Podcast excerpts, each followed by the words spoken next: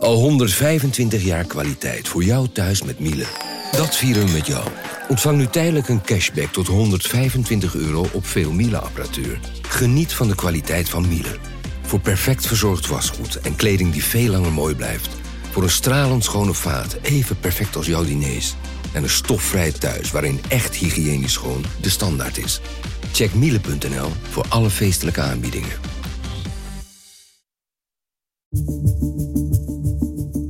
Vanaf de redactie van NRC het verhaal van vandaag. Mijn naam is Thomas Ruip.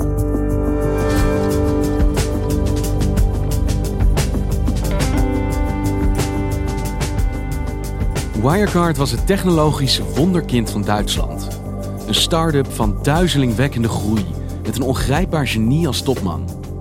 Iedereen wilde geloven in het succes, maar signalen van sluimerende problemen werden jarenlang genegeerd. Tot er bij Wirecard maar liefst 1,9 miljard euro bleek verdwenen.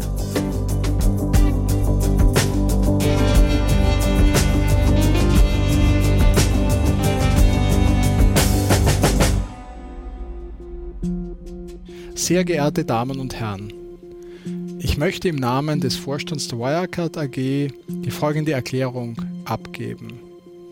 Ja, het is donderdagochtend 22 juni en Wirecard, een Duits fintechbedrijf wat genoteerd staat aan de belangrijkste beursindex in Duitsland, zet een video op haar eigen YouTube-kanaal.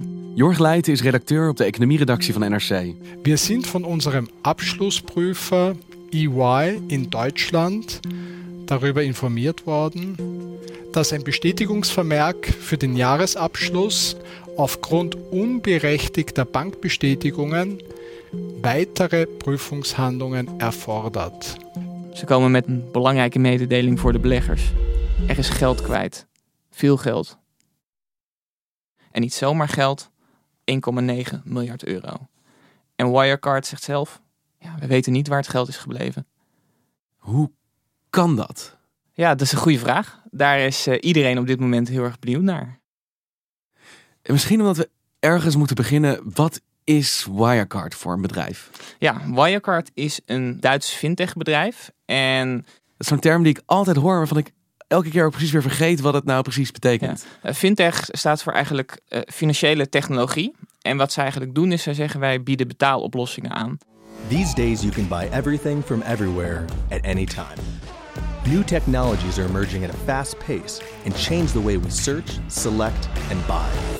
Dus op het moment dat jij via een webshop ergens iets bestelt, bijvoorbeeld bij KLM of IKEA in Duitsland, dan verzorgt Wirecard de techniek die erachter zit. Smart digital payment solutions have become the key to success and to your customer. Discover Wirecard. We are a global fintech company with 20 years of payment experience. En je hebt misschien wel eens op je rekening zien staan Adyen of Molly. Er staat ineens zo'n gekke naam, maar je denkt van goh, ik heb toch bij eh, IKEA wat besteld of bij H&M. Ja, wie is dat? Eh, wie, is, eh, wie is Molly? Ben ik nou ge- gescamd of ben ik opgelicht?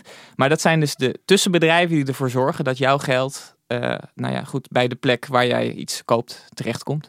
En Adyen, daar hebben we het hier ook wel eens over gehad in de podcast, is Ja. een groot Nederlands bedrijf. Wirecard is dan de Duitse Adyen. Ja, Wirecard is de Duitse tegenhanger van, van Adyen. Wirecard is eigenlijk o- opgericht, ontstaan in een buitenwijk in München in 1999. En toen hadden ze een best wel bijzonder businessmodel. Want ze werden groot in eh, het verrichten van betaaldiensten in de online porno-industrie. En in het eh, gokken, online gokken. Dat liep in het begin eigenlijk helemaal niet. Het begint pas te lopen in 2002. Want dan komt er iemand bij het bedrijf, Marcus Brown. En dat is de man uit de video. Klopt. Marcus Brown is best wel een bijzondere man. Het is een, ook wel een charismatische man. Hij draagt altijd van die turtlenecks die je ook van Steve Jobs kent. Het uniform van de tech-topman. Ja, en hij, heeft er ook wel, hij houdt er ook wel een bijzondere levensstijl op na. Hij heeft een hele dure auto, een Maybach. En hij liet altijd een chauffeur liet zichzelf ophalen bij zijn voordeur. En die chauffeur reed hem dan naar het bedrijf toe. Stapte hij in de lift, kwam hij bij zijn eigen verdieping uit. Eh, had hij een pasje om op zijn eigen verdieping binnen te komen. En hoefde hij verder ook niemand, behalve zijn medebestuursleden, eh, te zien eh, van het bedrijf. Dus heel veel mensen die bij het bedrijf werkten, kenden hem eigenlijk ook niet, hadden hem nooit gezien. En kwamen er pas jaren later achter dat hun topman ook daadwerkelijk kon praten, bijvoorbeeld op een, op een borrel die uiteindelijk ergens werd georganiseerd. Enigszins een enigma ook wel. Ja, een enigma, zeker. zeker. Ehm, er zijn uh, mensen die hebben zijn idioom geanalyseerd van hey, welke woorden gebruikt hij nou uh, vaak. So uh, I think we're showing enormous growth, and of course this growth is driven by a strong trend towards mobile payment, towards online payment. En dan zie je dat hij altijd het woord strong gebruikt. Strong growth, strong revenues. I think this trend shows accelerated growth. Uh, and we project today also a very already strong, robust outlook for 2020. Dus hij is heel op gericht om naar buiten toe het bedrijf als een gezond, sterk groeiend bedrijf neer te zetten. Krachttermen. Krachttermen. En uh, investeerders uh, waren eigenlijk ook wel trots. Uh, Duitsland is toch altijd het land van kolen en staal, van de zware industrie. En niet echt een land dat bekend stond om haar techbedrijven, haar bloeiende tech-industrie. En toen was er ineens Wirecard dat het op papier in ieder geval wel goed deed. En een soort, soort vaandeldrager, een soort beurslieveling werd van Duitsland. En hij zegt groei, growth, krachttermen. Lukt het hem dat ook? Waar brengt hij Wirecard? Nou, dat lukt hem, eh, dat lukt hem zeker heel aardig. Um, als je kijkt naar bijvoorbeeld de cijfers, dan zie je dat ze vanaf uh, eh, 2013 echt sterker beginnen te groeien. En uh, dan hebben ze nog, uh, nou ja, een jaar omzet is ongeveer 500 miljoen. En in 2018 was dat al 2 miljard. Dus dat betekent dat ze in vijf jaar tijd vier keer zo groot zijn geworden. En wat gebeurt er in 2018? Krijgen ze ook een plek in de Duitse AX-index. Dat is de DAX-index. Daar staan de 30 belangrijkste of grootste bedrijven aan de Duitse beurzen. Die staan daarin. Dus dat is echt ontzettend prestigieus. Iedereen struikelt over elkaar om in dit bedrijf mee te doen, in dit bedrijf mee te delen in het succes van dit bedrijf. En dan komt, uh, komen de twijfels.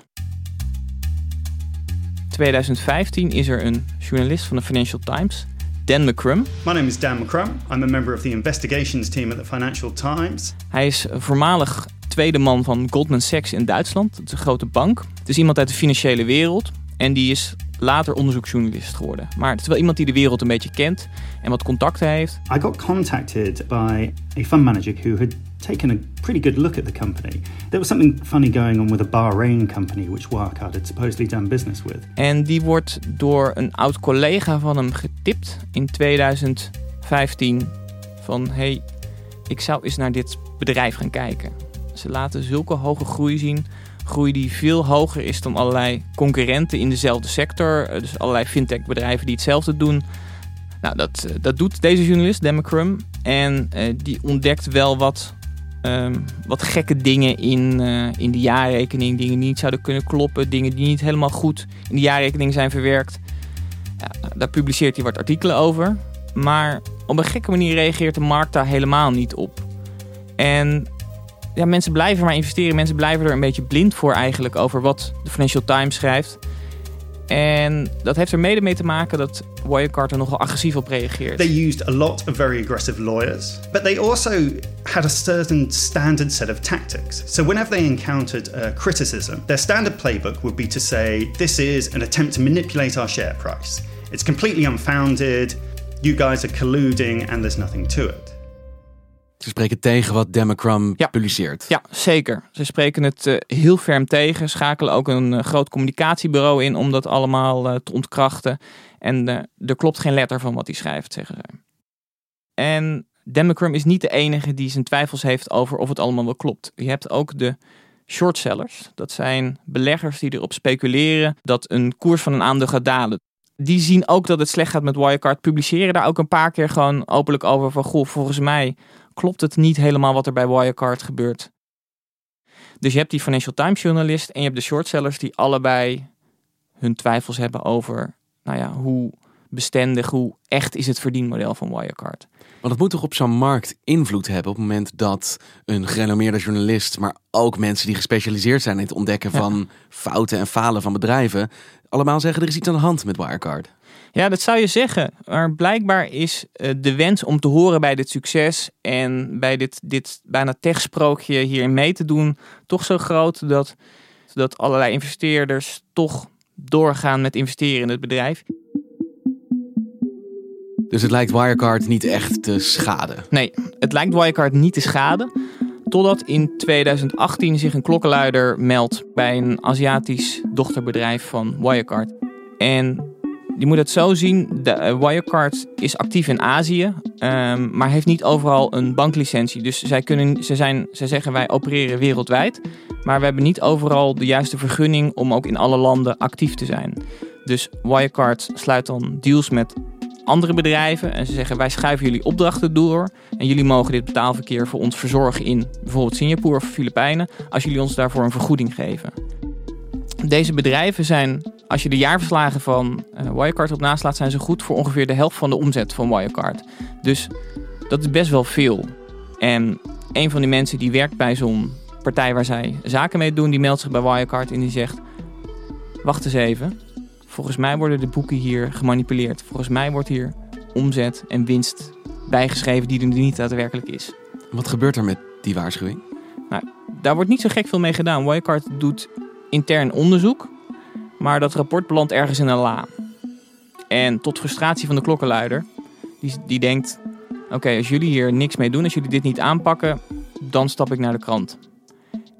En Dan McCrum, die financieel journalist, gaat kijken in Azië van hey, wat stellen deze bedrijven nou eigenlijk voor. And so Stefania did this terrific job of going to look for businesses which Wirecard had supposedly been sending payments to. And so she went wandering around the Philippines and found basically empty buildings. Um, she came across this address which had been listed as sort of the headquarters of an international payments company. Uh, she found a bemused seaman and his family who had no idea what she was talking about. En dat is gewoon een kakkemikkig huisje van een oude zeeman. Dat bedrijf is een huis. Dat bedrijf is een huis. En daar woont een oude zeeman samen met zijn gezin, gepensioneerde zeeman. En die zegt van, Wirecard, Wirecard, ja, ja, ik heb geloof ik ooit wel een keer een brief met die naam erop gekregen, maar ja, hier gevestigd, nee, totaal niet. Uh, kijk maar rond. Dus eigenlijk komt de journalist tot de conclusie, ja, maar dit, dit kan gewoon niet. Het klopt gewoon niet. Er is echt iets mis met dit bedrijf. Maar eigenlijk onthult de Financial Times hier dat nou ja, zo'n beetje de hele Aziatische tak van Wirecard niet lijkt te bestaan. Gewoon letterlijk er niet is. Daar moet toch een reactie op komen, denk ik. Ja, die komt ook van de Duitse uh, financiële autoriteiten, de Duitse beurswaakhond, de BaFin. Maar die richt zich niet op Wirecard, maar op de journalist en op de shortsellers. Dus in plaats van te kijken naar wat heeft Wirecard nou mogelijk fout gedaan, richten zij zich op hebben die shortsellers hier iets fout gedaan? Hebben zij zich schuldig gemaakt aan marktmanipulatie? Dus hebben zij ervoor gezorgd dat die koers van Wirecard omlaag ging? En het leidt ertoe dat de shortsellers een paar maanden hun beroep voor wat betreft Wirecard niet mogen uitoefenen. Dus ze mogen een paar maanden lang niet speculeren op een koersval van Wirecard. Maar ze richten zich op de critici van Wirecard, niet op Wirecard zelf. Nee, Wirecard komt er nog mee weg. Ook dan nog, dan hebben we het over halverwege 2019. Dan komt Wirecard, lijkt er nog mee weg te komen. Maar er zijn wel allerlei beleggers die nu gaan denken van ja, maar wacht eens even. We hebben hier veel geld in zitten. Er zijn zoveel signalen over dat er wat mis is bij dit bedrijf. Laten we daar maar eens een keer door een externe partij echt goed naar laten kijken. Dus die vragen KPMG, een accountantskantoor, om onderzoek te doen naar Wirecard. En KPMG zegt eigenlijk hebben we geen bewijzen gevonden voor fraude. Oh. Maar we kunnen ook niet bewijzen dat de omzet zoals die wordt opgegeven wel bestaat. Ze zijn namelijk ontzettend tegengewerkt door Wirecard. Allerlei documenten waar ze om vroegen kregen ze niet.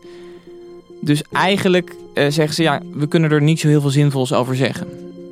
Nou ja, dan zijn de poppen pas echt aan het dansen. Want Wirecard heeft ook een eigen accountant. En uh, die accountant die denkt van, nou, wacht eens even. Onze collega's van KPMG, die zeggen dat, uh, dat ze niet kunnen verifiëren dat deze omzet ook daadwerkelijk behaald is. Hmm. En dan komt die bewuste 22 juni. Wat is er namelijk aan de hand? Als beursgenoteerd bedrijf moet je voor eind juni, binnen een half jaar na het afronden van het financiële jaar, moet je je jaarverslag inleveren. En dus ook de financiële onderbouwing.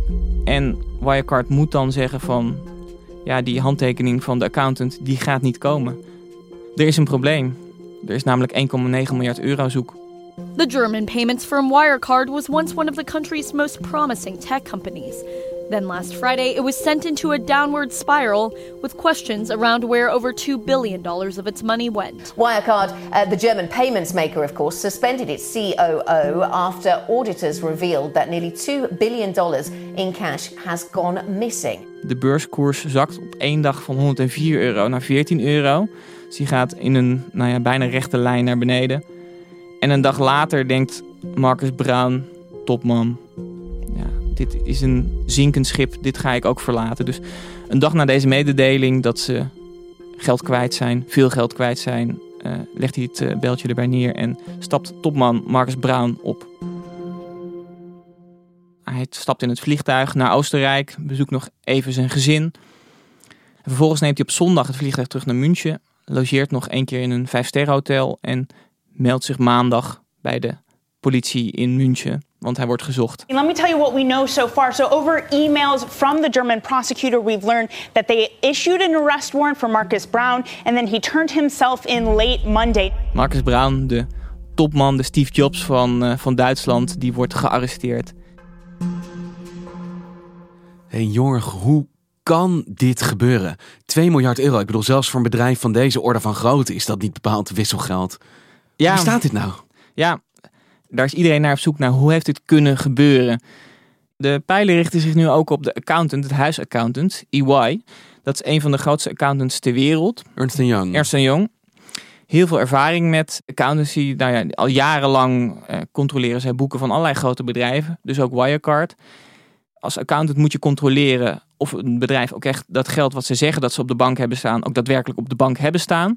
En bij Wirecard lijkt het zo gegaan te zijn dat Wirecard zelf deze gegevens, zelf deze documenten mocht aanleveren. Dus bijvoorbeeld allerlei vervalste documenten of screenshots van documenten die heel makkelijk te manipuleren zijn. Dus het lijkt er de laatste weken op, ik zeg lijkt, want het is nog niet bewezen, maar het lijkt er de laatste weken op dat ook EY behoorlijk wat steken heeft laten vallen. En ook de Duitse toezichthouder natuurlijk. Die deed eerder onderzoek naar Wirecard en die nam toen juist de journalist van de Financial Times en juist die shortsellers op de korrel. Dus er zijn nogal wat mensen die dit door hadden moeten hebben, die nu onder vuur liggen in Duitsland. Want het klinkt bijna alsof iedereen collectief verblind is geweest door de glans die vanaf dit bedrijf af leek te stralen, de belofte, de hoop. En daardoor het kritisch vermogen verloren heeft om zijn werk te doen. Ja, iedereen wilde graag horen bij dit bedrijf. Iedereen wilde een graantje van meepikken. En uh, iedereen vraagt zich nu af in de financiële wereld: hoe kan dit? Hoe heeft dit kunnen gebeuren? En dit gaat echt een zaak zijn die, als je over een jaar of tien nog eens gaat kijken, dat Wirecard gaat terugkomen in het lijstje van grote boekhoudfraudes de afgelopen 10, 20 jaar. En hoe staat het er nu voor met Wirecard? Ik bedoel, hangt dit logo nog ergens aan een gevel of is het eigenlijk gedaan? Ja, Wirecard bestaat nog steeds. Maar de verwachting is eigenlijk dat ze binnen nu en een aantal weken gewoon het faillissement moeten gaan aanvragen. En de grootste verliezer is Marcus Brown. De grootste verliezer is Marcus Brown. Die hangt mogelijk een celstraf boven het hoofd. Als bewezen wordt dat hij dus mee heeft gewerkt aan de fraude. Dat hij de markt bewust heeft gemanipuleerd. Ja, en bovendien zullen er allerlei clubs zijn van beleggers die nu zeggen: wij zijn vals voorgelicht, wij willen ons geld terug. Of wij willen in ieder geval een deel van ons geld terug. Dus ja, Marcus Brown zal vermoedelijk ook financieel kaal worden geplukt. En blijft het daarbij? Keert deze boemerang alleen terug in zijn gezicht? Nee, Wirecard heeft natuurlijk een raad van bestuur, dus hij is daar niet alleen in geweest. En er is één bijzonder figuur, de tweede man van Wirecard, die is kwijt. Die, is kwijt. Die is, verdwenen. Er zijn berichten dat hij naar de Filipijnen zou zijn vertrokken, maar hij is nooit het land binnengekomen. En de laatste weken komen er alleen maar bijzondere verhalen over deze man naar buiten. Hij zou in het bezit zijn geweest van documenten met de samenstelling van een bepaald zenuwgas. Documenten die alleen maar uh, allerlei echt hele hoge instanties, geheime diensten, et cetera, in handen hebben.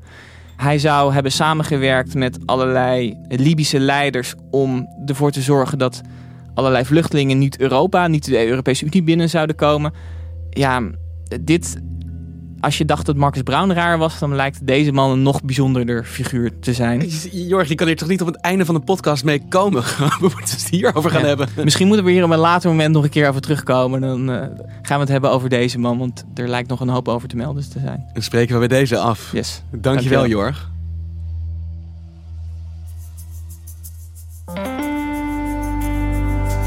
Je luisterde naar vandaag, een podcast van NRC. Eén verhaal, elke dag.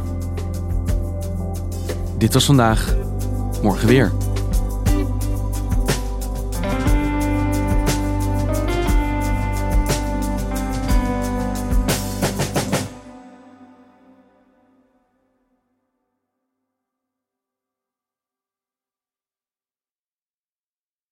Technologie lijkt tegenwoordig het antwoord op iedere uitdaging. Bij PwC zien we dit anders. Als we de potentie van technologie willen benutten, kunnen we niet zonder een menselijk perspectief. Human-led, tech-powered noemen we dat. Ga naar pwc.nl.